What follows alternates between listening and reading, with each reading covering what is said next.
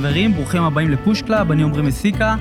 היום אני שמח להמשיך את הסדרה חשוב והתעשר, 13 הצעדים בעקבות אה, העקרונות של נפוליאון היל. היום אני שמח לארח את עמרי כהן שוב, בקשר לצעדים של דמיון ותוכנית מאורגנת. אהלן עמרי, מה קורה? מצוין עמרי, מה שלומך? מעולה, מעולה. עמרי, פעם אחרונה שנפגשנו, בפרק הקודם שעשינו, קודם כל היה פרק מדהים, מלא תגובות, כולם עפו עליך, אמרו לי, זה קטע שמרגישים, אתה יודע, את החדות ואת האינטליגנציה, ו- ושהיא עוברת את זה, אתה מבין מה אני מתכוון? שהיא- שמח לשמוע. כיף לשמוע שאפילו חתימת סאונד אה, קולטים את זה. לפני שנתחיל, אני רוצה להגיד קודם כל ש... אתה יודע שקראתי את הספר שלך, בעצם של להצליח בגדול בעסק קטן, זה הספר הראשון שהתחלתי איתו. באמת, יש שם שאלה ומקום לתשובה. אז בהתחלה עניתי בכל מקום, בדפים, לפי השורות, אמרתי, אני עושה הכל, א' א'. פתאום עצרתי, אמרתי, עמרי, תקשיב, זה לא ספר. זה מדריך, אתה יודע, אני ממש זוכר שסגרתי את הספר, אמרתי, אם הוא לא כתב על זה מדריך, אני אתקשר להגיד לו שירשום שזה מדריך. ואז ראיתי מדריך מעשי לבניית עסק משגשג ורווחי. אמרתי, אוקיי, עמרי, תפסיק לרשום בתוך זה, כי אתה תשתמש בזה כל פעם הלאה והלאה. אז קודם כל אני רוצה להגיד לך שאפו על הספר, בכיף. אני בכיף. מאוד נהניתי. היום אשתי קוראת אותו, היא גם בשלבים כזה שרוצה להיכנס לתחום העסקי, ואני עף לראות שבכלל, גם אחד שאין לו, ואנחנו נדבר על זה, זה כבר נותן לו תוכנית פעולה וצורות חשיבה. תענוג, אתה יודע, אני לא יודע משהו אחר מלבד תכלס, אז באמת גם הספר הזה וגם הספר השני על כסף, שניהם, שניהם כתובים ברמה של מדריכים, ממש מה העיקרון ואיך לוקחים את זה תכלס ליישום היומיומי שלנו, כי מבחינתי, אם אתה יודע משהו ואתה לא עושה, זה לא באמת שאתה יודע, ואנחנו רוצים לדעת על ידי עשייה. אז ל- זו המטרה של הספרים. לגמרי, וגם הם מאוד משולבים אחד בשני. כאילו, אם אתה מתחיל גם בתור שכיר, גם בתור עצמאי, לא משנה מה, ואתה רוצה לבנות את עצמך שקט נפשי לחיים ארוכים, אז אנחנו צריכים בעצם איך לפרוש אה, צעיר ועשיר. שזה בעצם, בוא תסתכל על החיים שלך, איפה אתה עומד, איפה אתה רוצה להיות, כל הנגזרות מזה, ולשם נתחיל. אבל אנחנו לא. נפרט פה אה, את זה. במילים פשוטות, אתה יודע, הספר של הכסף, הוא עוזר לך להשיג חופש כלכלי, ואחת הדרכים, מן הסתם להגיע לשם בעיניי, במה שהוא הכלי הטוב ביותר, זה עסקים. אז אפשר לומר שהספר על העסקים הוא פשוט דרך לממש את כל מה שקשור לי להרוויח כסף, בכל מה שאני מדבר עליו בספר של הכסף. אז הם משולבים לגמרי, הם משלימים, הייתי אומר, אחד את השני. כן, לגמרי. אני מאוד מסכים איתך ואני מאוד נהנה מהם. אני רוצה להגיד שגם בתקופה שעברנו, אני לדעתי עבר בערך חודשיים או שלוש, אם לא טועה, מאז שנפגשנו, פה פחות. יש סיכוי, אני אין לא מצב. פחות, פחות, הפודקאסט צעיר. אה, חודשיים בערך נפגשתי עם אחד הלקוחות שלך, במקרה, ודיברנו על ליוויים והכול, ואמרתי לו כמה זמן אתה בעסק, אמר לי שהוא עובד כבר שנה, שנה וחצי עובד, ואמרתי לו איך הולך, הוא אמר לי, תכלס, מלפני שלושה חודשים התחלתי להרוויח כסף. ואז אמרתי לו, מה קרה? אמר לי, לקחתי ליווי עסקי. אמרתי לו, איזה קטע, ליווי עסקי, עשיתי פרק עם עמרי כהן. אמר לי, וואלה, האמת שמאז שפגשתי אותו התחלתי להרוויח, אז אני רוצה להגיד שמלבד הספרים והגישה שאני... התובנות שאני קיבלתי ממך, כיף לי לפגוש לקוח באופן uh, עצמאי ולבד, וככה מקריאות החיים, ולראות שבאמת התכלס עובד כמו שצריך. יש סיכוי שאתה עוד תשמע הרבה, אתה יודע, נגענו עד היום ביותר מאלף בעלי עסקים, גם בארץ, גם בעולם, אנחנו כבר ביותר מעשר מדינות בעולם עזרנו לבעלי מדהים. עסקים, כן, זה מתפשט מהר מה שנקרא, ובלי קשר לזה, תוסיף על זה עוד עשרות אלפי אנשים בעשור האחרון שנגענו בהם בהרצאות, בסדנאות, בקורסים, במוצרים דיגיטליים, בכל מיני דברים אחרים, אז אה, יש סיכוי שתשמע עלינו עוד הרבה. אפרופו, במקום לסיים עם זה, בוא נתחיל עם זה, גם עכשיו התחלת תוכנית רדיו חדשה משלך, של... כן. באיזה יום, באיזה שעה, תזכיר לי? רדיו סול, אפשר לחפש בגוגל, למצוא בקלות, מדי יום שלישי ב-12.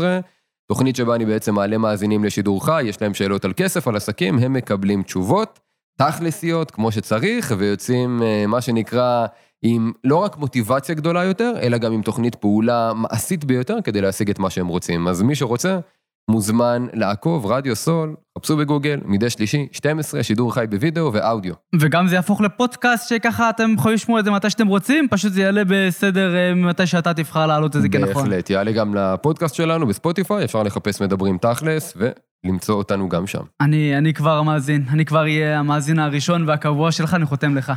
תקשיב, עמרי, בוא נתחיל שנייה לדבר על הצעדים, כי אני רואה שכבר גלשנו לחמש דקות בקלות ובכיף. הצעדים שאנחנו הולכים לדבר עליהם היום בעצם הצעדים החמישי והשישי, שזה דמיון ותכנון מאורגן.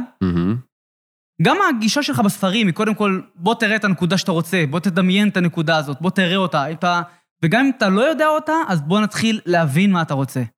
עכשיו, בדמיון, בספר הוא מסביר בעצם שיש שתי סוגים של דמיון. דמיון אחד אה, יצירתי ודמיון מצרפי, שכביכול אני לוקח ידע קיים, מחבר אותו לתוכנית פעולה ויוצר משהו אחד קיים. ודמיון יצירתי זה בעצם כל הדברים הגדולים שלא קיימים, על ידי שילוב גם מה שקיים וגם מה שהפער שחסר ביניהם. שבפועל, הלוואי שכולנו נהיה יצ... יזמים גדולים ויצירתיים בטירוף, שנמציא דברים אה, פורסי עולם.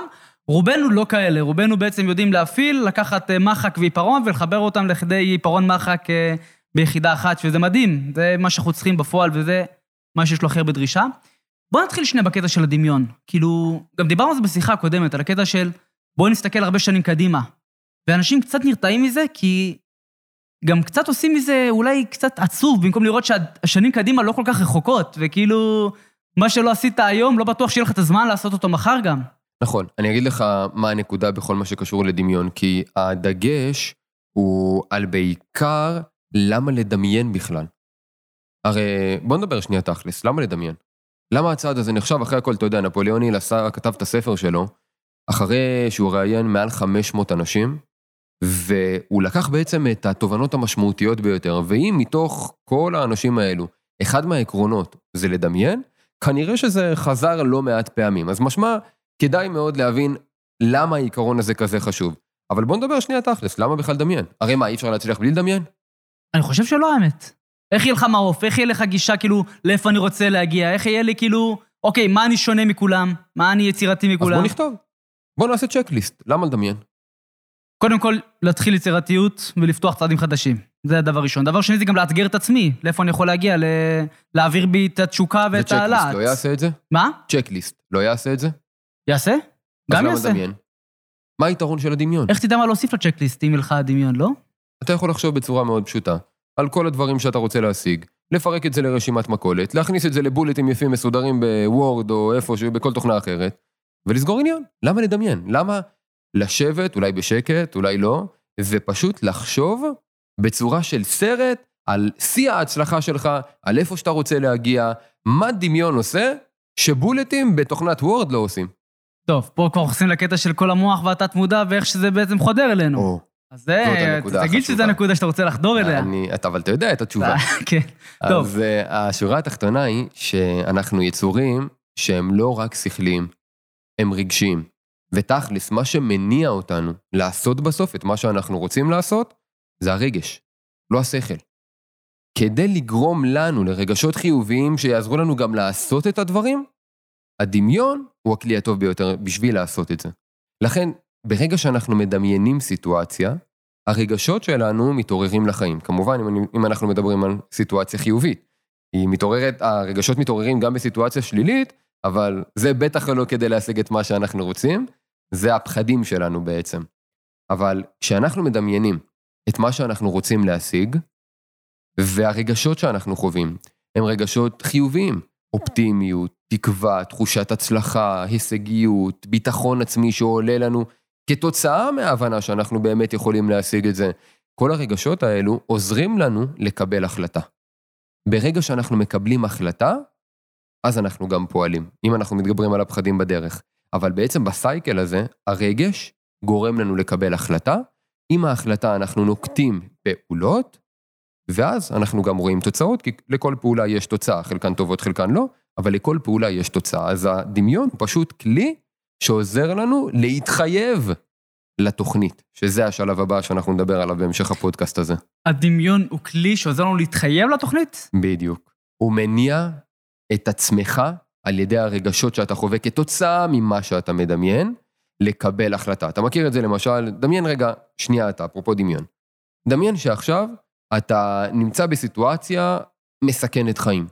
ואתה הולך לרופא, והרופא אומר לך, תשמע, אם אתה לא מפסיק לעשות א', ב', ג', בוא ניקח אנשים, אתה יודע, שהם מעשנים, או עם עודף משקל קיצוני, או דברים כאלו, ואתה עכשיו מגיע לרופא, והרופא מתחיל לתאר לך מה עלול לקרות אם לא תשנה את ההתנהגות שלך היום. אוטומטית, אנחנו מדמיינים את זה. אם הרופא יגיד לך, תקשיב, אם אתה לא תשנה את ההתנהגות שלך, יש פה סיכוי ממשי למוות. אין סיכוי שבמוח שלך לא תתרוצץ ההלוויה שלך. אז אתה תתחיל לחשוב, כאילו, oh my god, oh אני לא רוצה אבל... אה, אה, לא, לא, אני לא רוצה שזה יקרה. כל הרגשות שיעלו בך הם רגשות שליליים, אבל הם ייקחו אותך למקום החיובי. כי הם יגרמו לך להירתע כל כך ממה שאתה לא רוצה להשיג, ופה אנחנו ניכנס, אם תרצה, להסברים על שני סוגי מוטיבציה, האחת שמושכת אותנו והאחת שעוזרת לנו להימנע ממה שאנחנו לא רוצים, זאת בעצם זו שאני השלילית, מדבר עליה, כן. בדיוק. ובגלל שאתה בסוג של מה שנקרא נמאס לי, אתה מקבל החלטה ואתה אומר, זהו, עד כאן. עכשיו אני משנה את כל מה שאני עשיתי, אני אתחיל בפעילות גופנית, אני אפסיק לעשן, אני ואני ואני ואני, ואז גם יש לך את כל הלמה, את כל המוטיבציה, כדי לדבוק בהחלטה שלך. כי אחרת יש פער עצום בין להגיד לעצמך מה אתה רוצה, לבין לעשות את זה בפועל. כמה אנשים אומרים, אני רוצה להיות עשיר, יום אחרי מתעוררים, חסרי מוטיבציה לחלוטין, כאילו לא עשו כלום.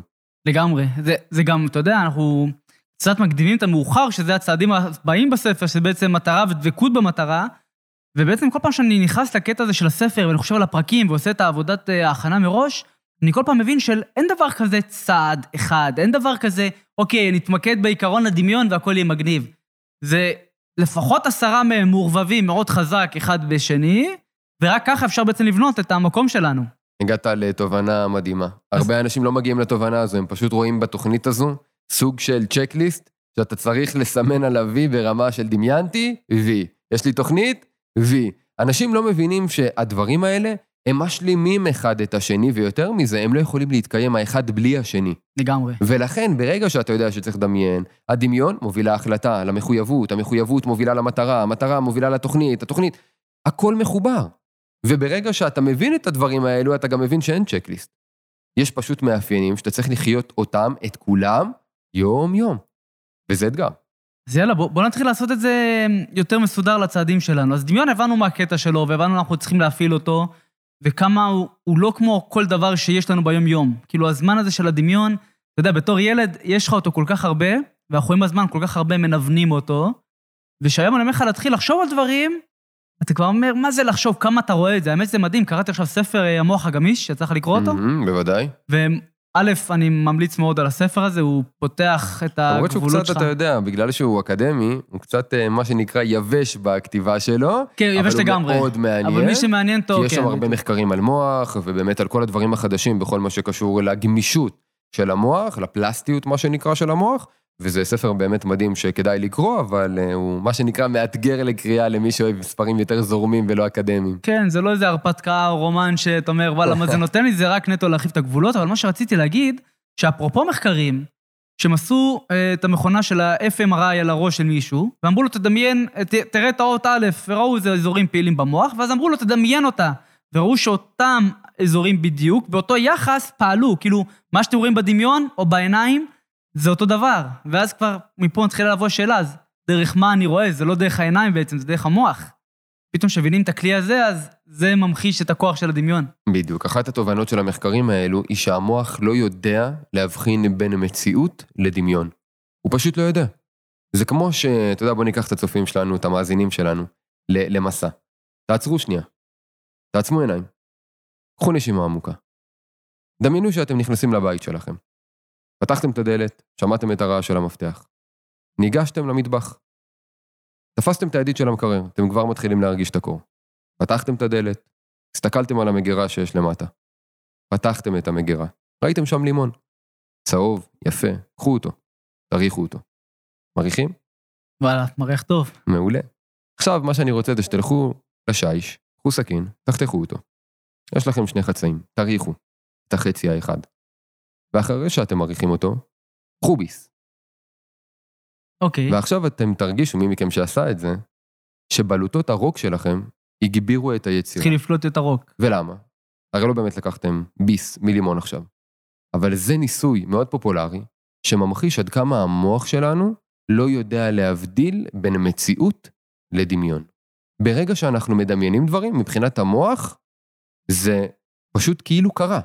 ואם זה קרה, מה זה נותן לך? את הביטחון שאתה יכול להשיג את זה. גם אם זה לא קרה באמת. משם נובע, אגב, עיקרון מאוד חשוב, שנקרא fake it till you make it. תזייף את זה עד שאתה באמת תהפוך לכזה. אז הרבה אנשים אומרים, "אה, ברגע שאני אדמיין, אז אני אקבל את המחשבות האלו של, אתה לא באמת כזה, זה לא באמת אפשרי, וזה בסדר. זה כל טבעי, לכל בן אדם שרוצה לדמיין. והוא רק בתחילת הדרך, והמוח עדיין לא מעכל את הדברים האלו, זה טבעי. צריך ללמוד לאט לאט להשתיק את הקול הקטן, להגביר את הקול הגדול, ולדמיין בעוצמה גדולה יותר ויותר, וזאת עוד, תובנה חשובה עכשיו, דמיון זה שריר. אני דווקא מסוג האנשים שבגלל שהם מאוד אנליטיים, השריר הדמיון שלי לא היה מפותח בעבר כמו שהוא היום. כי ככל שאתה אנליטי יותר, אז דווקא אתה יותר בן אדם מקורקע, יותר תכלסי, ואתה פחות בקטע של לדמיין, או המילים כמו חזון וכאלו, מבחינתי זה היה, עזוב, בוא נכתוב את זה. מה עכשיו דמיין? ועד שאתה לא מתנשא וחווה את הכוח של הדמיון, אתה לא באמת מעריך אותו. ותחשוב רגע על עוד שאלה אחת. לעוד כמה בעלי חיים יש את היכולת לדמיין? האמת שזה ההבדל הכי גדול בינינו לבעלי חיים. בדיוק, רק לנו, רק לבני האדם. אז אם זאת היכולת שלנו והיא היתרון שלנו על פני כל בעלי החיים, וזה גם היתרון שנותן לנו לחשוב על דברים שהם לא קיימים ולפתח אותם, אז לא להשתמש בזה, זה בזבוז מוחלט. אתה רוצה לתת פה שתי נקודות מהספר שאומר על, היגיון, על הדמיון, סליחה, שאומר, אדם יכול ליצור כל אשר הוא יכול לדמיין. כאילו, מה שאתה יכול לדמיין, זה כל מה שאתה יכול ליצור. כמה שתרחיבו את עצמכם, כמה שכל... Uh, תפתחו, זה מה שיכול להיות לכם. והספר הזה יצא לאור ב-1937, ושם הוא דיבר על העידן של השינוי המהיר ב-1937, שהיום אנחנו אומרים, היום אנחנו חיים בחיים מהירים, כן. אבל אז הוא אומר, כמה שהשגנו עד עכשיו, עד 1937, זה היה יותר מהיר מכל מה שהשיגו עד היום, ואנחנו רק עכשיו, בקצה ההבנה של הדמיון שלנו, מה אנחנו יכולים בכלל להשיג, מה שיהיה מעתה ואילך, זה טירוף. וזה העידן שלנו בעצם, והיום אנחנו רואים את זה. נכון. ולדעתי הכוח של הספר הזה עולה בשנים האחרונות יותר ויותר. אני התחלתי לקרוא לספר הזה נראה לי לפני שבע או שמונה שנים, והוא היה ספר, כאילו עוד אחד מהספרים שצריך לקרוא. היום זה כאילו המאסט שכולם אומרים וכאילו ממליצים עליו, ואני אומר כי הרבה מהדברים שלו, בפועל רואים את ההוכחות שלהם היום, רואים את הכוח שלהם, רואים את ההבנה שלהם. לגמרי. הספר הזה, אני אגיד לך אפילו יותר מזה, הוא לא רק לפני 7-8 שנים פופולרי. אני זוכר שרק כשהתחלתי לקרוא ספרים איפשהו לפני 18 שנה בערך, אני זוכר שתמיד המליצו לי עליו בתור הספר הראשון לקרוא. אז הוא היה ביחד עם כל הספרים הרגילים נקרא לזה, אבל תמיד הייתי שומע את השם הזה, חשובי את אשר נפוליאון היל, ועכשיו אני לא יודע אם, אה, אולי המאזינים יודעים, אבל הספר הזה הוא דווקא לא הגרסה הראשונה שהוא כתב. המהדורה השנייה. לא רק מהדורה שנייה, אתה מכיר את הסיפור? של הספר של 700 עמודים, של החמש אלף. אלף. כן. יש אותו עד היום. מי שיחפש אגב בגוגל וירשום אמ, success, five, אה, משהו, משהו סקסיס, כזה, מפתחות כן, להצלחה. אה, כן, אפילו סקסס, נפוליאון היל באנגלית, ו-PDF. ספר לבן. ימצאו אה. את הספר, יש לי אותו באופן אישי, וזה יותר מאלף עמודים, ופשוט הסיפור היה שהוא ניסה למכור את זה, זה לא עבד, כי זה היה באמת too much לאנשים, ואמרו לו לקצר, הוא קיצר לאיזה 500, עדיין לא נמכר, ואז הוא קיצר את זה עוד הפעם. היום יש אפילו עוד גרסה. יש עוד, בדיוק, מקוצרת יותר, ואני חושב שבכל אופן הערך הכי גדול הוא בספר המקורי שלו, כי שם באמת הוא מעובה גם בדוגמאות ובסיפורים, וזה עוד פעם, עוזר לך לדמיין ו... אתה מדבר על ספר של אלף עמודים. של אלף עמודים, כן, אוקיי. וזה קצת מאתגר לקרוא אותו, אבל, אבל כן, הוא הרבה יותר טוב מאשר השלוש מאות ומשהו עמודים אה, של ה... בגרסה הזו, המקוצרת, או תלוי באיזו גרסה ותלוי באיזה גודל, אבל בכל מקרה זה ספר שכדאי מאוד לקרוא. אני יודע אגב שלרוב האנשים שיקראו אותו, הוא לא ייראה פרקטי כזה. הוא לא מרגיש פרקטי. הוא מרגיש מאוד uh, תיאורטי כזה, כן, ורוחניקי, ומדבר מלמעלה, מדבר איתי על אמונה, מדבר איתי על דבקות, דבר איתי תכלס עכשיו, מה כל הדברים האלו? מה לעשות, מה לעשות? בדיוק, מה לעשות, מה כן. לעשות. כל הזמן האנשים רוצים מה לעשות, מה לעשות. הנקודה היא שבלי כל המיינדסט הנכון, זה פשוט לא יקרה. כי יש מלא אנשים שיודעים מה הם רוצים. הם גם אפילו יודעים איך לעשות את זה, ואם הם לא יודעים, תוך שנייה וחצי בגוגל הם ידעו, הם ידעו מה לעשות. ועדיין הם לא עושים. הכל נובע מהמיינדסט, מהפער הזה בין מה שאנחנו יודעים למה שאנחנו צריכים לעשות ולא עושים, והכל נובע גם מהפחדים שלנו, ועליהם אפשר להתגבר רק עם מיינדסט של ווינרים. אתה יודע, אני ראיתי עכשיו סרט שקוראים לו מורתי התמנונה. יצא לך mm, לראות? כן, כן, בנטפליקס ראיתי אותו, כן. א', אה, סרט מאוד מומלץ, המלצתי לכמה אנשים, חלק התחברו, חלק לא התחברו. נכון. כי לדעתי אנשים מפספסים את הפואנטה הכי גדולה שבו.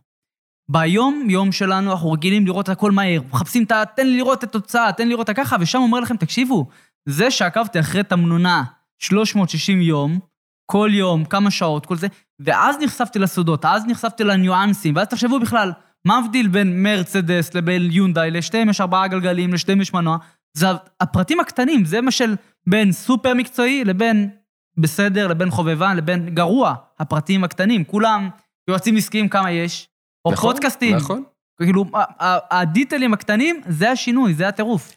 אחד העקרונות החשובים ביותר שקשורים לדמיון, זה מה שמתמקדים בו, גדל. עכשיו, למה הכוונה? יש ניסוי שטוני רובינס, בטח כולם מכירים אותו, תמיד עושה בהרצאות ובסמינרים שלו. נותן לאנשים לחשוב על איזשהו צבע, למשל ירוק, ולחפש כל מה שירוק, ירוק, ירוק בחדר. ואז הוא מבקש מהם לעצום עיניים ולהגיד לו מה הם ראו בצבע אדום. וכולם הסתכלו על הירוק, היו ממוקדים, הוא שואל על האדום, אף אחד לא יודע להגיד לו. ואז אומר להם לפקוח את העיניים ולחפש את הדברים האדומים, ופתאום רואים מלא דברים שלא ראית קודם. כן. למה? זה הכוח של המוח להתמקד. הרי כל רגע יש מלא פרטים, עכשיו אני ואתה מדברים, אנחנו ממוקדים אחד בשני, באמת מרגישים בפוקוס, אבל המוח שלנו קולט את כל הסביבה, את כל הרעשים הקטנים. הוא מעבד את המידע הזה, התת מודע שלנו עובד שעות נוספות ועל טורים גבוהים ללא הפסקה, בעוד המודע שלנו באמת ממוקד בדבר אחד.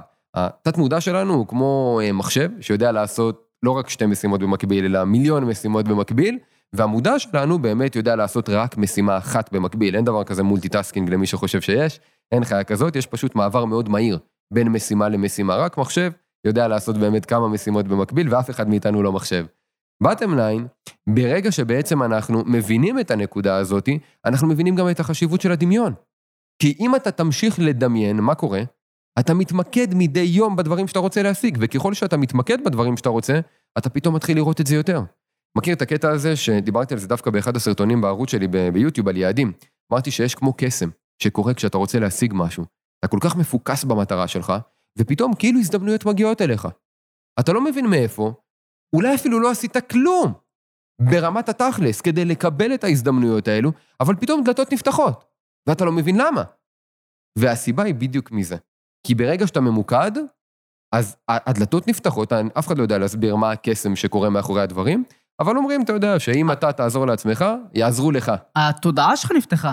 בדיוק. אני מבין, אני, אני בטוח שהדוגמה הכי פשוטה לזה, שכולם ראו את זה, לא קשור לעסקים ויעדים, רציתם לקנות אוטו, לא, לא, כל היום תראו אותו על הכביש. בדיוק. כל היום תראו אותו על הכביש. וזה עניין של הפוקוס באמת, של המוח יודע מה אתה רוצה לראות, הוא ייתן לך לראות רק את זה.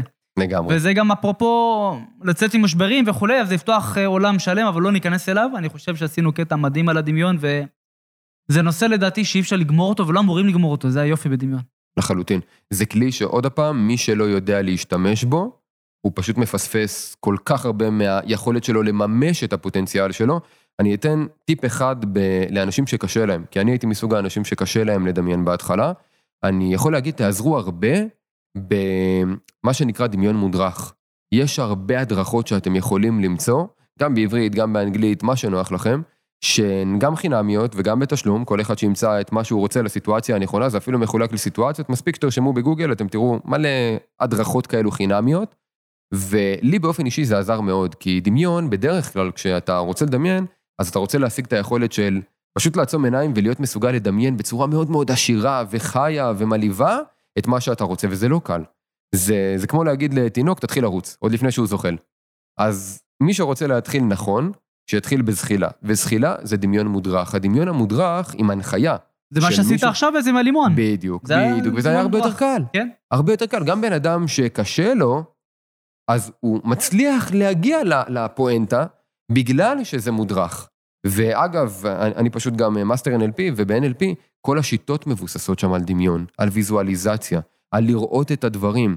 מי שבטוח אולי שמע על NLP לפחות, יכול להבין שהשיטות שם עובדות בעיקר כי הן נעזרות בצורה מטורפת, אם לא כמעט ב-100% מהשיטות שם, ביכולת הדמיון שלנו. וזה עובד פיקס, אם עושים את זה נכון. אבל לאנשים שקשה לדמיין זה דווקא פחות עובד. מדהים, ואני אסיים את זה במשפט אחד מתוך הספר. אני, אם אני לא טועה, הוא אמר את זה שם, אני בטוח שתקן אותי. הוא אמר שלנסות להסביר לבן אדם על דמיון ועל ל- לפתח את הדברים, זה כמו לנסות להסביר לבן אדם עיוור צבעים, מה זה הצבע האדום. בדיוק. עד שאתה לא בדיוק. נחשף לזה, עד שאתה לא יכול את הצבע, אתה לא יכול בכלל להיות מודע לזה. לחלוטין. רק מי שינסה באמת יחווה את העוצמה המטורפת של היכולת לדמיין. כן, מדהים. טוב, אוקיי, אז בואו נתחיל עכשיו, נחזור רגע לשלבים. יש לי את השאיפה, שזה השאיפה הלוהטת, זה ההגדרה והיעד שלנו. יש לנו דמיון של מה אנחנו רוצים להיות, ועכשיו, הנה, הגענו לעומרי מלך התכלס. אמ, איך אנחנו עושים את זה? איך מתחילים? אתה יודע מה, כשאני קראתי ספרים שלך, אני הבנתי את הכוח הכי גדול שלך. אתה, אתה איש של שאלות. כאילו, אם אני יכול להגדיר מה עומרי, עומרי יודע להבין הוא, מהנגזרת של התשובה שהוא רוצה לקבל, איזה תשובה תקדם אותו, זה הנגזרת של השאלה שהוא נותן. ובעצם, כמה ששאלות יותר נותנות לו את הכוח, זה עומרי כביכול, וככה הוא יודע לכוון את הדברים, וכאילו, גם רואים בגישה שלך, רואים בתפיסה שלך, ואיך שאתה מתחיל מה, מההגדרות, שתבין בכלל מה התשובה שלהם, ואחרי שיש לך את התשובה, אתה יכול לעבור שלבים, כאילו אתה אומר, אוקיי, זה מדרגות כמו של ילד, אתה יודע, מי... בוא, בוא, נש... בוא שנייה נשווה הגדרות, בוא נתקדם למה, איך אני רואה את זה, איך אתה רואה את זה. עכשיו, אחרי שאנחנו יודעים את זה, בוא נתקדם לשלב הבא. מה השאלה הבאה? מה התשובה הבאה? לגמרי.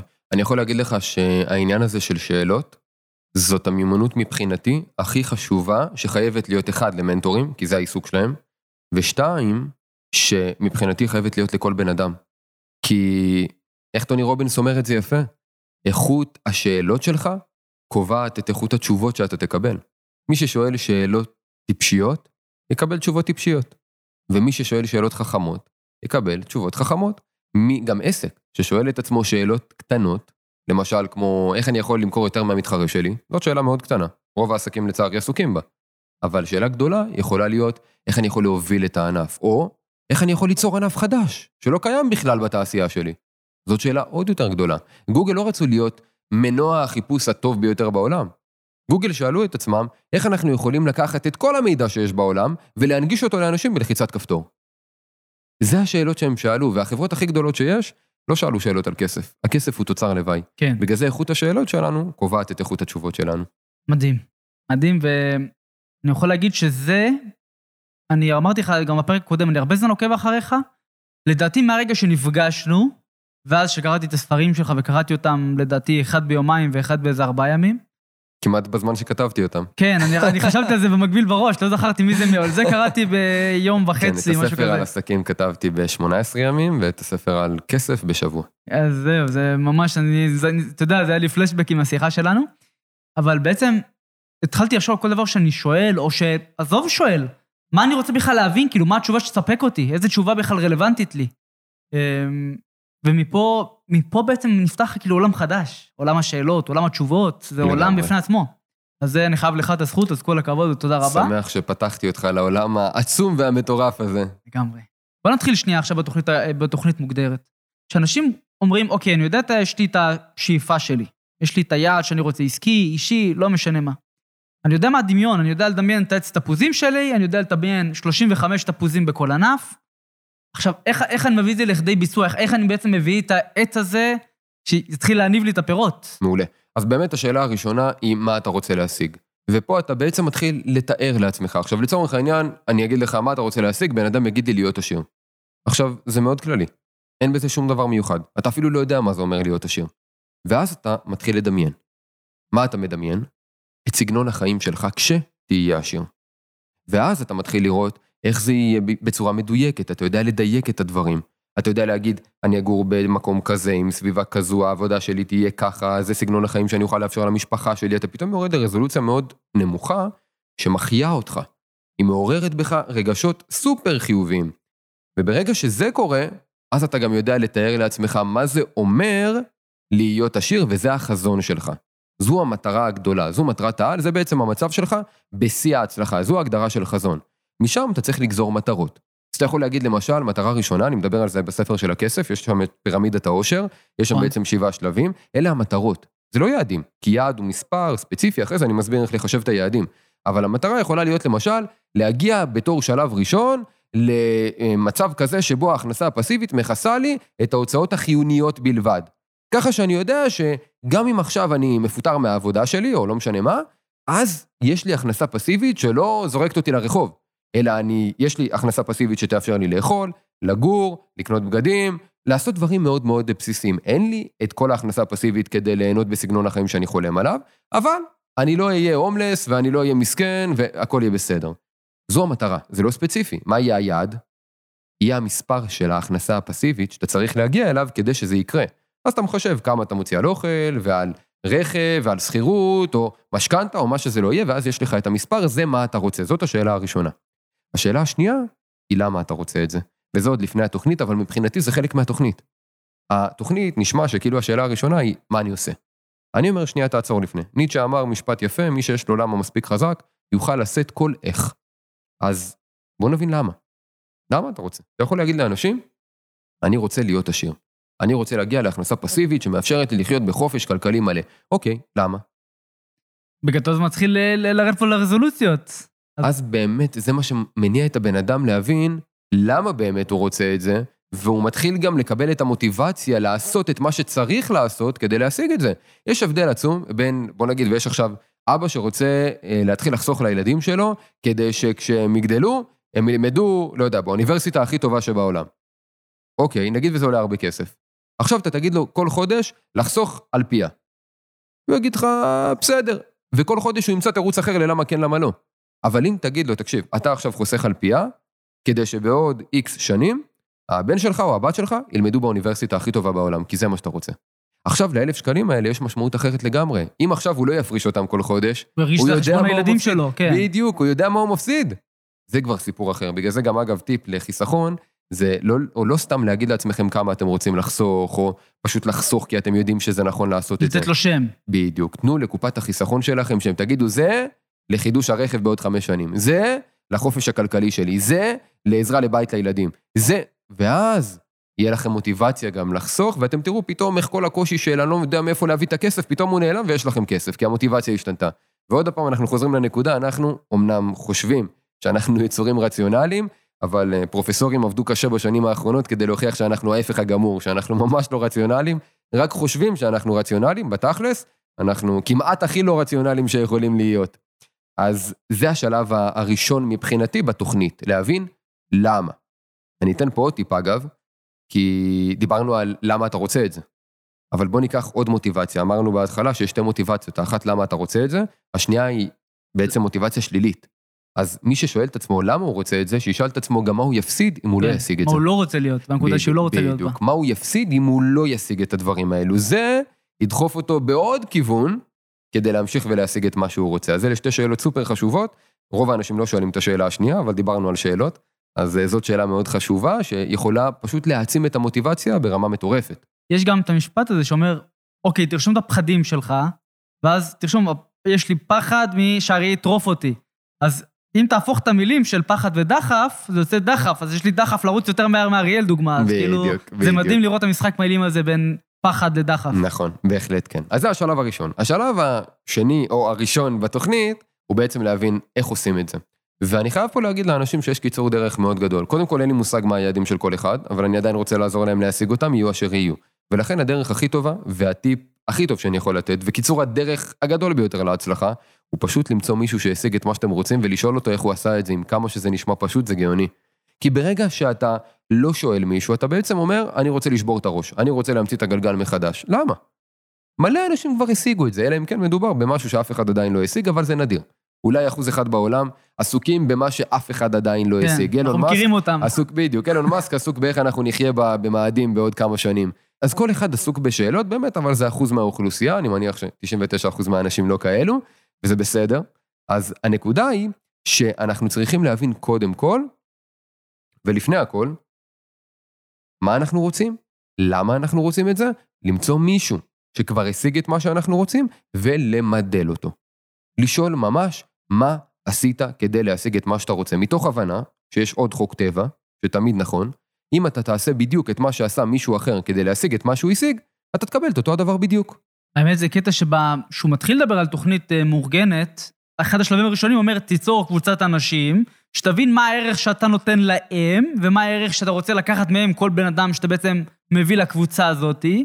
תיפגש איתם בקצב מסוים, ללא הגבלת זמן, עד שתביא תוכנית מוגדרת, תראה שהיא רצה לך, תראה שהיא עובדת. אם היא לא עובדת, טוב, אנחנו מתקדים את המאוחר, אבל בעצם קח את האנשים האלה שלוו איתך וגם, כול, איך דיברנו קודם על צבעים, אנחנו מכירים קצת צבעים שאנחנו רואים בעיניים, בעסקים, ביעדים, במשימות, יש המון צבעים שאנחנו לא חשופים אליהם בכלל, וכל אחד אחר, זווית ראייה אחרת, וכוח אחר, ומנטליות ו mindset, וזה הכוח. בדיוק. הנקודה היא שרוב האנשים פשוט עסוקים במה שהם יודעים שהם יודעים.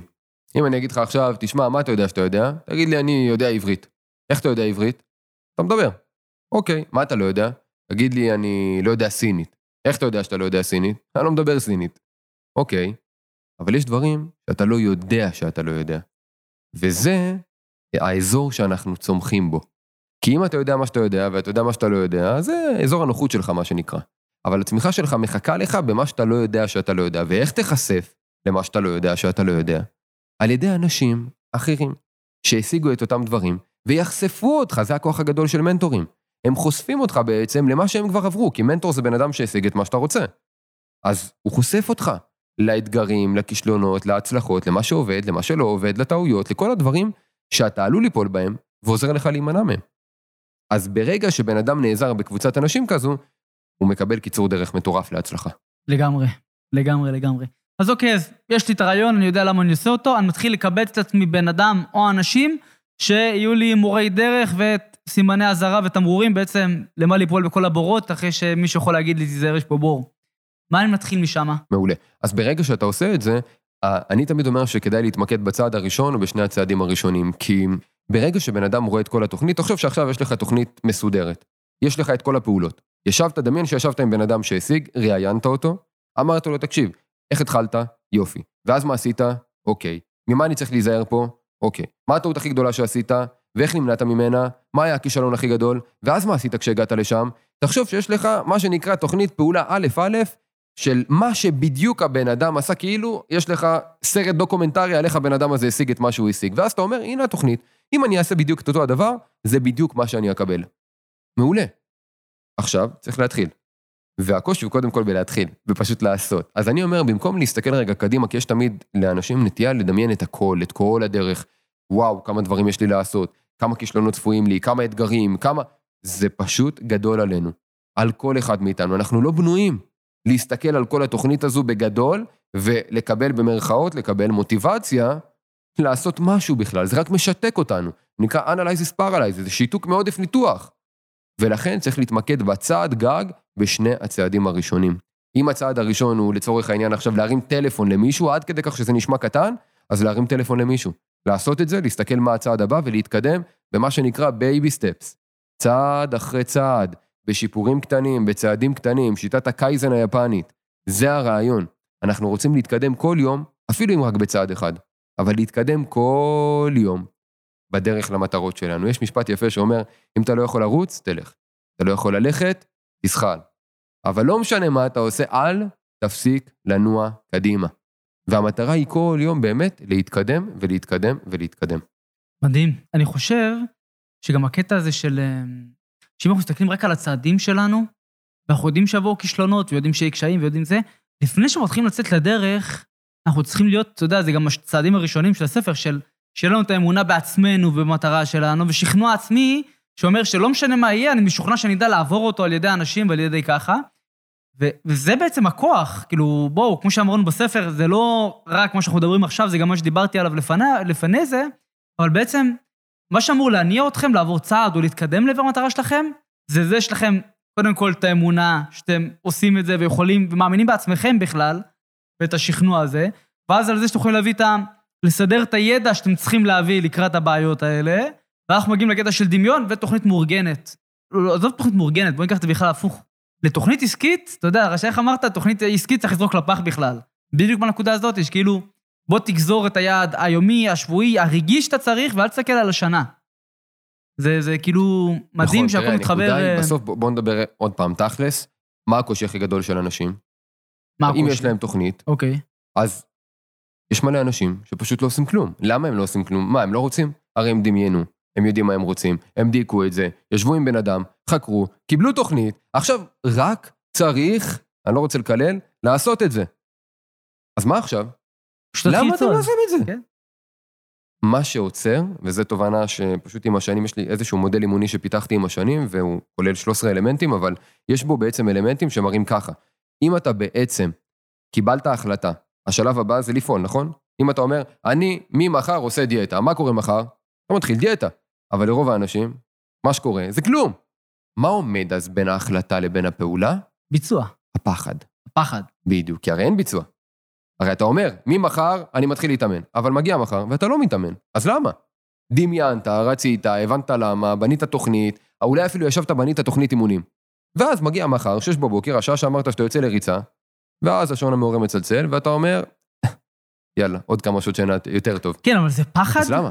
איזה פחד, בדיוק, יש שם פחדים. בסוף, אתה כאילו אומר, לא, לא, לא, אני עייף. אבל זה לא עייף, זה מה שיושב מתחת, ובלי להלאות את הצופים, כי זה, על זה אני יכול לעשות סדנה לבד של כמה שעות טובות, אבל בסוף, למטה, למטה, למטה, בשורשי הפחד, יש את הפחד שאתה פשוט או לא ראוי לזה, או לא מסוגל להשיג את זה בכלל. וזה חוזר למשפט שאמרת קודם, של אנשים שלא מאמינים בכלל שהם מסוגלים להשיג את מה שהם רוצים. כי אם אתה אומר, אני רוצה עכשיו לרוץ כל בוקר ולהתחיל לאכול נכון כדי לראות אה, שש קוביות בבטן. אוקיי, אבל אתה אומר לעצמך, אני בחיים לא אהיה עם שש קוביות בבטן, איפה? אני בחיים לא אראה כמו הדוגמנים האלה, ו... לא, לא, אני לא אהיה. אתה לא מאמין בעצמך. אז למה שתתחיל לעשות את זה? אתה מכיר בן אדם נורמלי, קצת שכל, שיעשה משהו שהוא לא מאמין שהוא אפשרי עבורו? אין חיה כזאת. אז למה שאנחנו נעשה? האמת שאני חושב שזה גם משתלב לקטע של התת-מודע שלנו. כי בעצם, אם נתחיל להסתכל על דברים, כמה דברים אמרנו שנעשה ולא עשינו, אז בואו, כמה שנשקר לעצמנו, יכולים להגיד לעצמנו הרבה חרטות, התת-מודע אומר, תקשיב, קבעת לי 25 פעם לקום ב-6 בבוקר, לא קמת, שבע פעמים אמרת, אתה מוריד 5 קילו, לא זה, תגיד מה שאתה רוצה, על הזיבי, אני לא מאמין לך יותר. אז כאילו, כשאנחנו קמים בבוקר, התת-מודע כבר שם, אומר, עזוב אותך, תמשיך לישון. ועד שלא נתחיל לשבור את השרשרת אירועים הזאת בכוח אדיר, שאומר בעצם, אל תחשוב, פשוט תפעל, לא יהיה את השינוי הזה. אז אני רוצה להגיד לך משהו על הכוח האדיר הזה, כי אתה יודע, סך הכל אני עושה את מה שאני עושה מעל 15 שנה בערך. גם אני האמנתי בהתחלה, שאתה צריך רצון חזק יותר, ואמונה יותר גדולה בעצמך. וכי בסוף תמיד אנשים אומרים לי, רגע, מה השלב הראשון בלהשיג משהו? הייתי אומר, להאמין שאתה מסוגל. קודם כל. עכשיו, אומרים לך, רגע, מה, זה, זה, זה לא תכלס, כאילו, מה זה להאמין שאני מסוגל? ואז אתה רואה, אתה עושה איזשהו סשן עם בן אדם, אתה אומר לו מה אתה רוצה, ואז אתה אומר לו, תגיד, בין 1 עד 10, כמה אתה חושב שאתה יכול להשיג את זה? והוא לא אומר לך 10 ברמת הביטחון המוחלטת. רגע, אם אתה לא אומר לי 10, מה, מה לפי דעתך הסיכוי שאתה תשיג את זה? אתה אומר לי עכשיו שאתה לא בטוח בכלל שאתה מסוגל להשיג את זה. אז למה להתחיל? למה להתחיל? בן אדם הגיוני לא עושה כלום אם הוא לא מאמין שהוא יצליח. למה לנו לעשות את זה? אז איך יוצרים את האמונה הזו? ואני אומר לך בכנות, אי אפשר ליצור אמונה מכלום. כי אמונה נבנית על הצלחות עבר שלך. עכשיו, אם אתה רוצה להשיג משהו שכבר השגת בעבר, סתם היית, לא יודע, היית בבית ספר מצטיין כל הזמן. ועכשיו אתה הולך לאקדמיה ואתה מציב לעצמך יעד, לסיים גם כמצטיין. אתה תפעל באמת כדי להשיג את זה, כי היית מצטיין בעבר, אתה כבר מאמין שאתה מסוגל כי עשית את זה. אז לא תהיה לך בעיה, אתה באמת תפעל. אבל אם לא היית מצטיין אף פעם, היית תלמיד גרוע. ועכשיו אתה אומר, אני מצטיין מספר אחד. אתה לא מאמין שאתה מסוגל. אני, איזה אני ואיזה נעליים. אני הייתי מה, מהנכשלים כל הזמן, עכשיו מצטיין, על מי אני עובד? אתה לא תעשה כלום, אתה תגיד לעצמך, אני אשב כל שבוע, אני אחזור על כל החומרים. שבוע ראשון אתה זורק את החומרים מהחלון, אתה לא יושב בכלל. אתה חוזר למה שהיית, זה הרגלים, זה הטבע שלנו. ולכן, הטיפ הכי גדול לאנשים, נשמע כאילו אני מוכר עכשיו אה, יועצים ומאמנים וזה, אבל אני אומר לכם, תכלס, תקשיבו מניסיון, פשוט קחו מישהו שיחזיק אתכם קצר, יבעט לכם בביפס, ופשוט ידחף אתכם להשיג את מה שאתם רוצים. כי המסגרת, זה מה שמחליף אמונה בעצמנו. ברגע שאתה מחויב, וזה לא משנה עד כמה אתה מוצלח. אני יכול להגיד לך, אני עכשיו נמצא בתהליך תזונה עם אה, מישהו, אני יודע לבנות תפריט, אני יודע לבנות תכנית אימונים, התאמנתי, יש לי מוטיבציה, סופר משמעת עצמית, מה שאתה לא רוצה, אבל כשאמרתי לעצמי שאני רוצה להיכנס לתהליך תזונה כמו שצריך, לקחתי מאמן. אז תגיד לי מה, אבל אתה יכול לבד, נו, אתה גם יודע לבנות תפריט, על מה אתה משלם לו אז? אם אתה יודע לבנות תפריט, אם אתה יודע לבנות תוכנית אימונים, אם אתה, יש לך משמעת עצמית להקפיד, אז מה אתה לוקח אה, יועץ תזונה בכלל?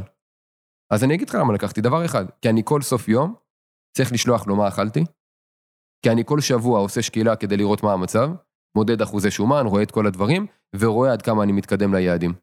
גם אני, עם כל הכוח רצון שלי והמשמעת, זה פשוט יותר קל לי. למה לי להתאמץ עכשיו ולהכריח את עצמי? כי אני אומר לך בכנות, זה לא כזה חשוב לי. זה לא בראש מעייניי, זה חשוב לי, אבל לא כזה חשוב לי. אז כדי לקחת את זה לרמת חשיבות גבוהה, אתה לוקח מישהו ונכנס למסגרת. ואני יכול להגיד לך, אני עושה את זה כבר חודש וחצי, וכמו שאתה רואה, אני לא בן אדם שמן, אני פשוט עשיתי תהליך של חיטוב יותר, פחות הרזייה, אה, אבל בחודש וחצי הורדתי יותר, כמעט חמש קילו. וואלה. של שומן, כי אחוזי השומן יורדים בעיקר, אז ברור שיורד גם דברים אחרים, כן? אבל אחוזי שומן בעיקר משמע, עם אותה כמות אימונים, מה שנקרא, הקוביות שלי צועקות החוצה, הנה אנחנו כאן. וזאת הייתה המטרה, להתחטב יותר, ואתה משיג את התוצאה ואתה נהנה. והכל בזכות הודעה אחת קטנה שאתה מחויב לשלוח לו בסוף כל יום. מדהים. גם יש קטע עם הרגלים של... לוקח זמן לבנות הרגלים, וזה בכלל פרק בפני עצמו על הרגלים, אבל אתם יודעים שקשה לכם לעמוד במילה של עצמכם, אתם יודעים בכל זה, תתחילו בדברים קטנים. אל תגידו, מחר בבוקר אני קם ושם את הסרט של רוקי ומתחיל לשבור את המדרגות, כאילו, תתחיל אפילו בשתי כוסות מים ברצף, בוא תתחיל בדבר הכי שטותי, כאילו, רק תתחיל להוכיח לעצמך כשיש את המילה לעצמך. שזה כאילו- הלוגי. זה הלוגי. לבוא ולהגיד, באמת, אתה יודע, יש תמיד את העצה הזו, וגם אני נותן את זה לאנשים, ואני אומר, תקשיב, אתה רוצה להתחיל אימונים? צא לאימון של חמש דקות. ואז אנשים צוחקים עליך ואומרים, נו, בחייאת, על מי אתה צוחק? מה זה חמש דקות? לוקח לי לשים את הבגדים יותר זמן מאשר לצאת לאימון הזה, אז אני לא עושה. אנשים לוקחים את זה בצורה מאוד פשוטה, הם לא מבינים את המהות של הלמה רק חמש דקות. עכשיו, אני אומר גם יותר מזה, אתה יוצא לאימון, אתה רוצה להמשיך אחרי חמש דקות, תעצור. תחזור. למה? כדי שיהיה לך את החשק לעשות את זה מחר. כדי שזה ייבנה כמו שצריך. אנשים אומרים, לא, חמש דקות, מה, זה לא יעשה שינוי. אז למה לעשות את זה? הם לא מבינים שזה לא בגלל השינוי, זה כדי לבנות את ההרגל. זה לא שינוי פיזי, שינוי תודעה. בדיוק, כן. ואנשים לא מוכנים לחכות, אין סבלנות. הם רוצים תוצאות היום, אם אפשר, אתמול. תן לי את הקסם, מה שנקרא. בדיוק. תן לי את הגלולה הזאת שתוריד לי עכשיו כמה קילו. עכשיו, אתה יודע מה, אם כבר דיברנו על זה, בדיוק נגעת ב... לפני הפרק, אני תמיד יושב וחושב, ושמעתי את הפרקים של אה, דמיון וארגון אה, תוכנית מאורגנת בעצם. בעצם רשום שם לעשות יותר ממה ש- שעברו שילמו לך לעשות. שזה בעצם אחד הצעדים שאתה אומר בעצם איך ליצור לא עוד לקוח, אלא לקוח VIP מעריץ, שאחד שהולך איתך באש ובמים. יש את הקטע הזה, התודעה הזאת, שגם מול עצמך בעצם, שכאילו, אם אמרתי אני עושה קילומטר, אני עושה קילומטר 100 לדוגמה, יש גם את התודעה הזאת של מול לקוחות ומול אנשים שאנחנו עושים, ויש גם בקטע של ההתחייבות שלנו בעצם, של מה שאנחנו ב mindset בכלל. תחשוב שלכל אחד מאיתנו יש אה, דלי אמון כלפי עצמו. תחשוב שעכשיו אתה אומר, אני מחר קם בשש, רץ. ויש לך דלי מלא, מה שנקרא. עכשיו קמת בבוקר, שעון צלצל, ובמקום לרוץ לחצת על הנודניק. מה קורה לדלי? נהיה בו קטן. מחר, עוד הפעם. לאט לאט נהיה חור גדול, ואז כל פעם שאתה אומר לעצמך, אתה תעשה משהו, אתה מוסיף מים לדלי, אבל יש כבר כל כך הרבה חורים עד כדי כך שלא נשאר בו כלום. ואז אתה לא מאמין לעצמך. ואז אתה גם מתחיל לשמוע את כל הקולות.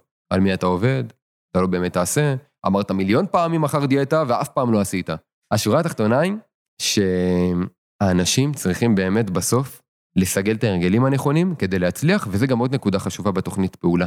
כי התוכנית פעולה כוללת פעולות ורובן לא חד פעמיות.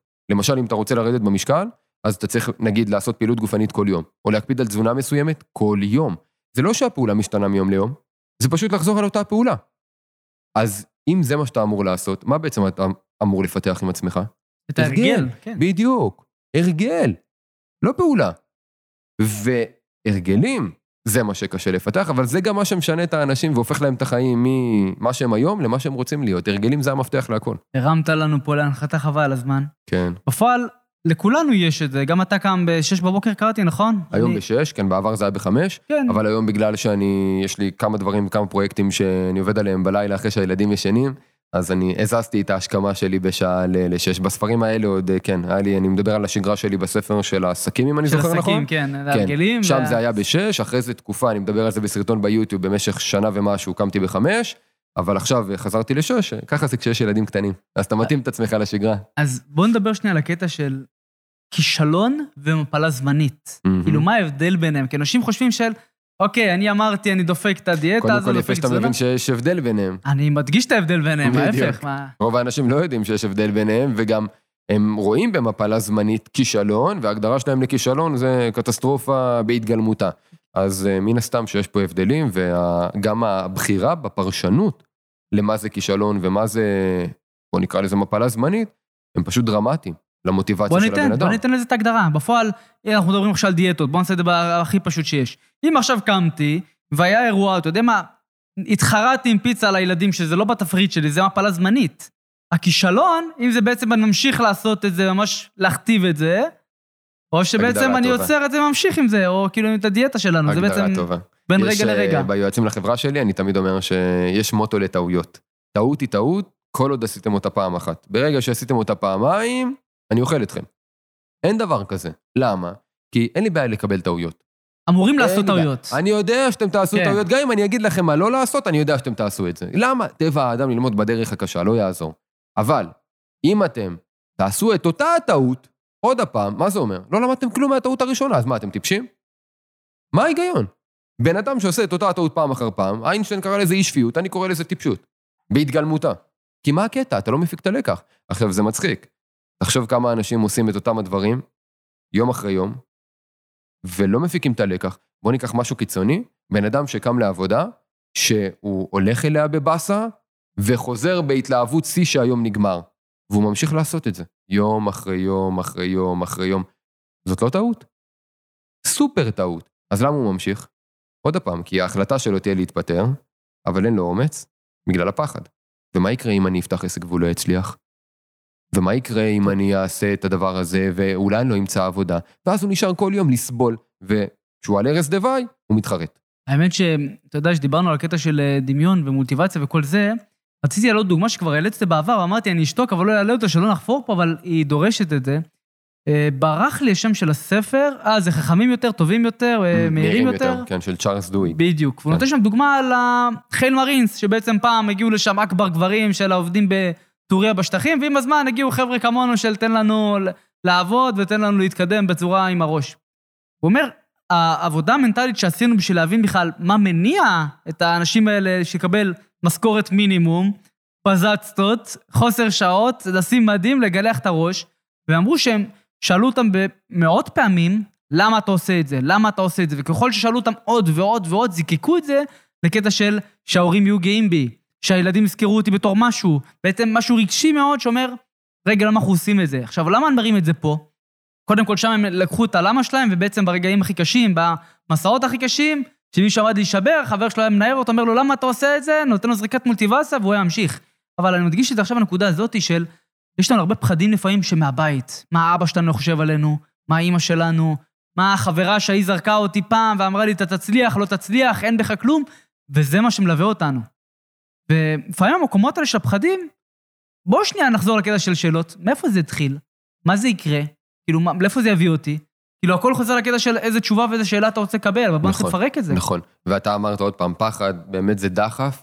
אני אומר שצריך למנף את הפחדים שלנו. אי אפשר, בן אדם שחושב שהוא יכול לנטרל את הפחדים שלו, אז אה, אני אומר לו מראש שהוא טועה ושלא ינסה אפילו.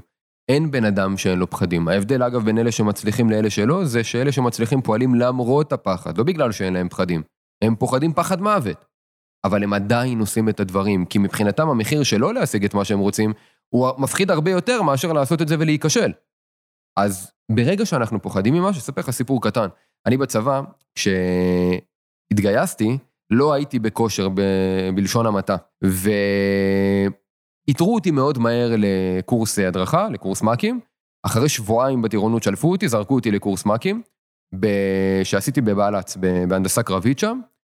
זה רובעי 05, ועל ההתחלה, יש לך, אתה יודע, את הברור ואת כל הדברים האלו. עכשיו, לא הגעתי לשם ישר, היה לי קורס הכנה לקורס של ארבעה חודשים. ויום ראשון, אתה פשוט עושה מבחני כושר כדי לראות איפה אתה. ואני אומר לך, עגלה, מילה טובה לעומת מה שהייתי. ובשלב מסוים, הייתי, הייתי מתחיל לרוץ, אתה רץ כל הזמן את השני קילומטרים, זה המבחן ברור, ואתה תמיד רואה את עצמך בסוף כזה, אתה יודע, אתה מדדה כזה, ואז אם אתה גם לא תעבור את המבחן, לא ישלחו אותך, כי בבעלץ, המבחן כניסה, אם אתה לא עובר את הברור, אתה גם לא נכנס, גם אם אתה תהיה גאון בדברים האחרים, זה לא רלוונטי. יש גם את המבחן כושר, נקודה. ועשיתי את הריצה הראשונה, והיה מישהו, אחד מהמפקדים, שפשוט ראה שאני כזה מתקשה, הסתכל, סימן אותי כנראה, גם הייתי, אתה יודע, כזה צעיר של שבועיים בצבא, אז מה, מה הוא מבין? וראיתי בכל uh, מפקד uh, חצי אלוקים, אז uh, הוא פשוט תפס אותי בריצה אחרי, באימון יום אחרי, והוא ידע בדיוק באיזה קטע אני יוצר. עכשיו, איזה קטע זה היה? תמיד חצי קילומטר לפני סוף המסלול, הייתה עלייה מטורפת. עכשיו, איך שאתה רואה את העלייה, אתה גמור גם ככה, בא לך להפסיק. ההוא חיכה לי שם, אני לא מגזים, עם מקל. לא מגזים, אמיתי, עם מקל. עכשיו, הוא ראה שאני בא לעצור, הוא אומר לי, תעצור, אני נותן לך. עכשיו, אתה אומר לו, אני רוצה לראות אתה נוגע בי. עצרתי, בעט בי. הוא בעט בי, לא עם המקל, אבל בעט בי. ואמר לי, אני רוצה לראות שאתה עוצר. אני מאחוריך, אתה תעצור, תקבל בעיטה. רצתי, אני אומר לך, הגעתי עם הלשון בחוץ, לא הפסקתי. הוא עצר, עמד מאחוריי. עכשיו, אתה יודע, זה מצחיק, דוגמה פשוטה על פחד, כן? אתה, אתה מפחד לקבל מכה. כן. אבל תחשוב מה זה עשה, זה פשוט דחף אותי להגיע לסוף ה... ולמה אני זוכר את הסיפור הזה כל כך? כי לא האמנתי שאני מסוגל לרוץ שני קילומטר בלי לעצור. ואז כשהגעתי לסוף, מתנשם, גמור, שוכב על הרצפה, עוד שנייה מקיא את נשמתו, ואתה פתאום אומר, בואנה, רצתי שני קילומטר רצוף. מה הוא עשה לי? פרץ לי את המחסום הזה של האמונה, של אתה מסוגל. ואז מה נראה לך היה באימון הבא? עצרתי? לא. לא, מה, אני יודע, לא רצתי אתמול, לא, לא עצרתי אתמול, למה שאני אעצור עכשיו? ואז באימון אחרי התחלתי להגיד, יאללה, עשיתי את זה בעשר דקות, מחר, באימון הבא אני עושה את זה, ב, מבחינתי 9.59, אבל זה יהיה פחות. בסוף סיימתי מצטיין ברור עם 7 דקות ו-20 שניות. השיפור שזה יוצר לך נובע קודם כל מהאמונה של אתה מסוגל לעשות את זה. שזה אפשרי. בדיוק. שזה ואתה גם... צריך מבוגר אחד שיבעט לך בתחת. נכון, זה גם, גם כל העניין של מדריכים ומנטורים ויועצים, מן הסתם, שיראו לך שאפשר.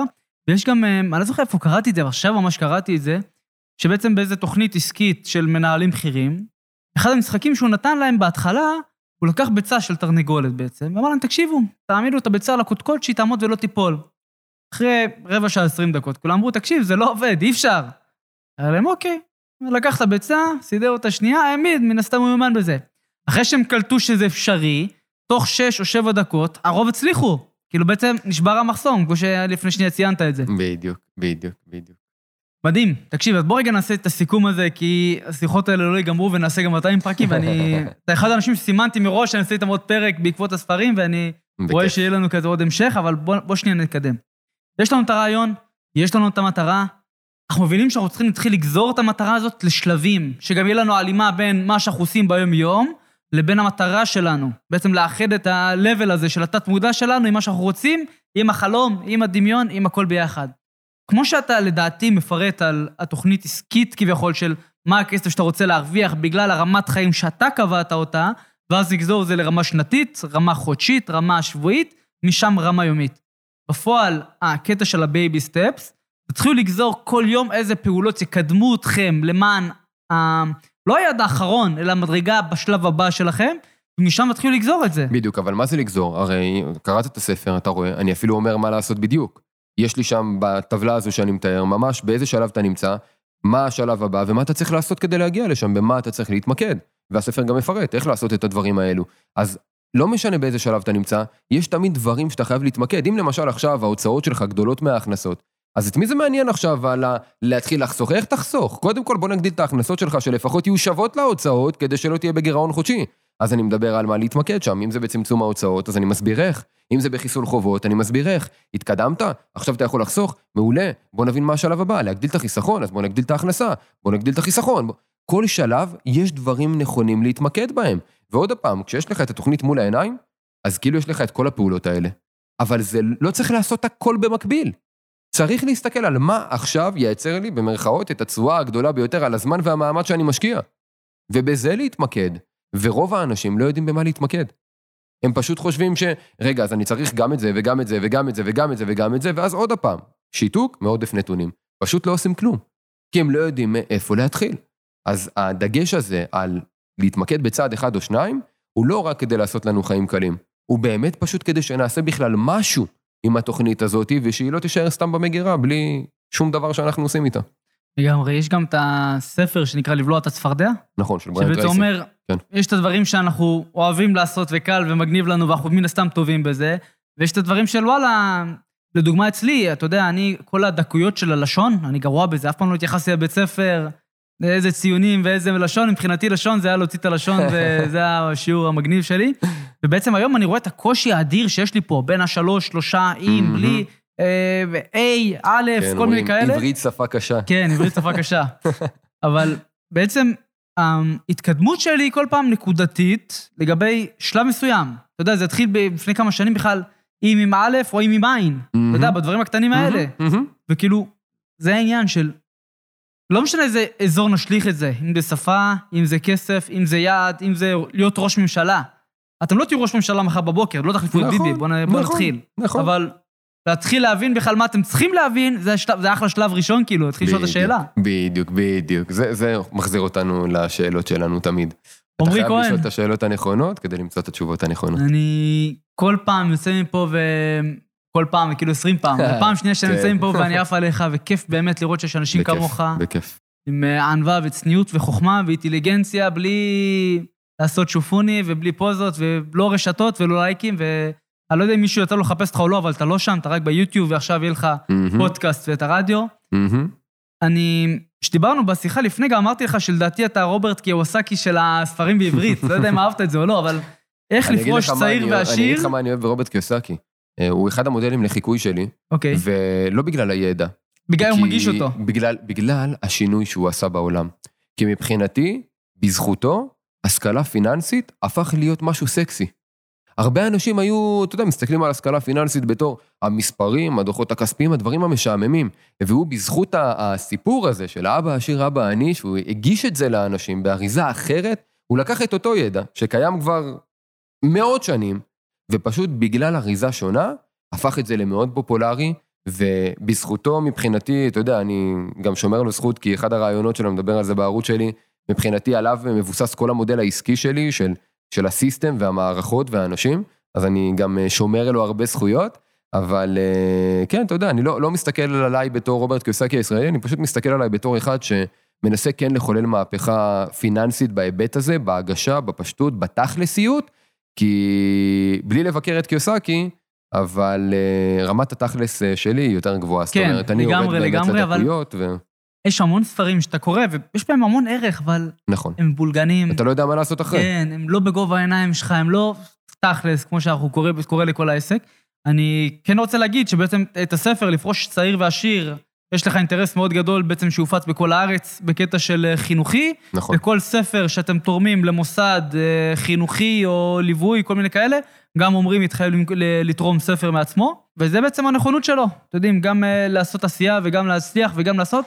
בסופו של דבר, בואו נחזור לשאלה שנגיע לערש דווי, איך אתם רוצים לזכור את עצמכם, איך אתם רוצים לראות את הדרך שלכם.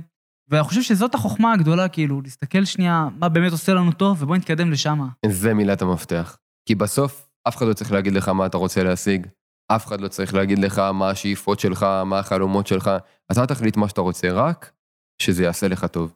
זה הכי חשוב, כי בסוף אנחנו פה, אתה יודע, במסע שהוא כאילו מאתגר, אבל בוא לא נשכח, הוא צריך להיות כיפי, הוא צריך להיות מהנה, אנחנו צריכים ליהנות מהדרך, לא לסבול, ואם יש, יש משהו שאנחנו לא נהנים ממנו, כי אתה יודע, מה לעשות, לפעמים אנחנו רוצים להשיג דברים שיש בהם לעשות דברים לא נעימים בדרך, אין עם זה בעיה, אני לא אומר בטח לא לעשות אותם, אני רק אומר שתבינו שזה זמני, ושהתועלת שאתם תקבלו כשתשיגו את מה שאתם חולמים עליו, תהיה הרבה יותר גבוהה. זה, אגב, ועם זה אנחנו נסיים, שכשאני הגדרתי לעצמי, הצבתי לעצמי יותר נכון יעד בגיל 16, להיות מיליונר לפני גיל 30, אני שילמתי מחירים מאוד מאוד גדולים וכבדים.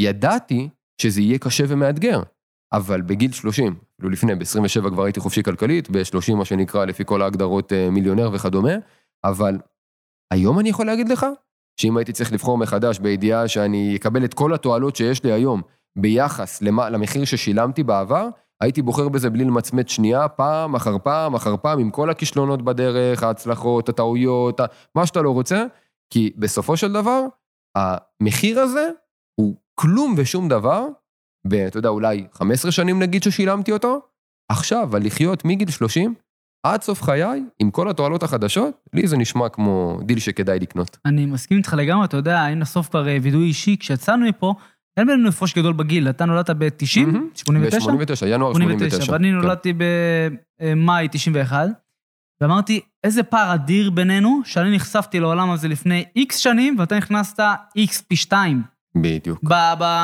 זה גם מעבר להיכנס לקטע של הספרים, לקטע של התודעה, של ה mindset, של ההתחייבות, של ההקרבה, אבל של זה הלתת. מתחיל מזה, זה מתחיל מהספרים. כי הספרים שינו לי את התודעה, ובזכות התודעה שהשתנתה, גם עשיתי פעולות אחרות. אני תמיד אומר, אנשים אומרים לי, רגע, אני לא מבין, איך הגעת לזה בגיל כזה צעיר? אז אני אומר, גם התחלתי בגיל מאוד צעיר, זה הכל.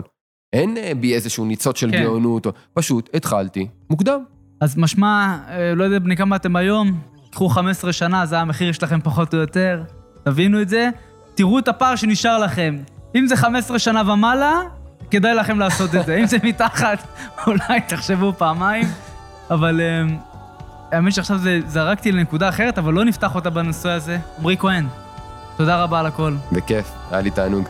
יאללה, תודה חברים, ניפגש, פרק הבא.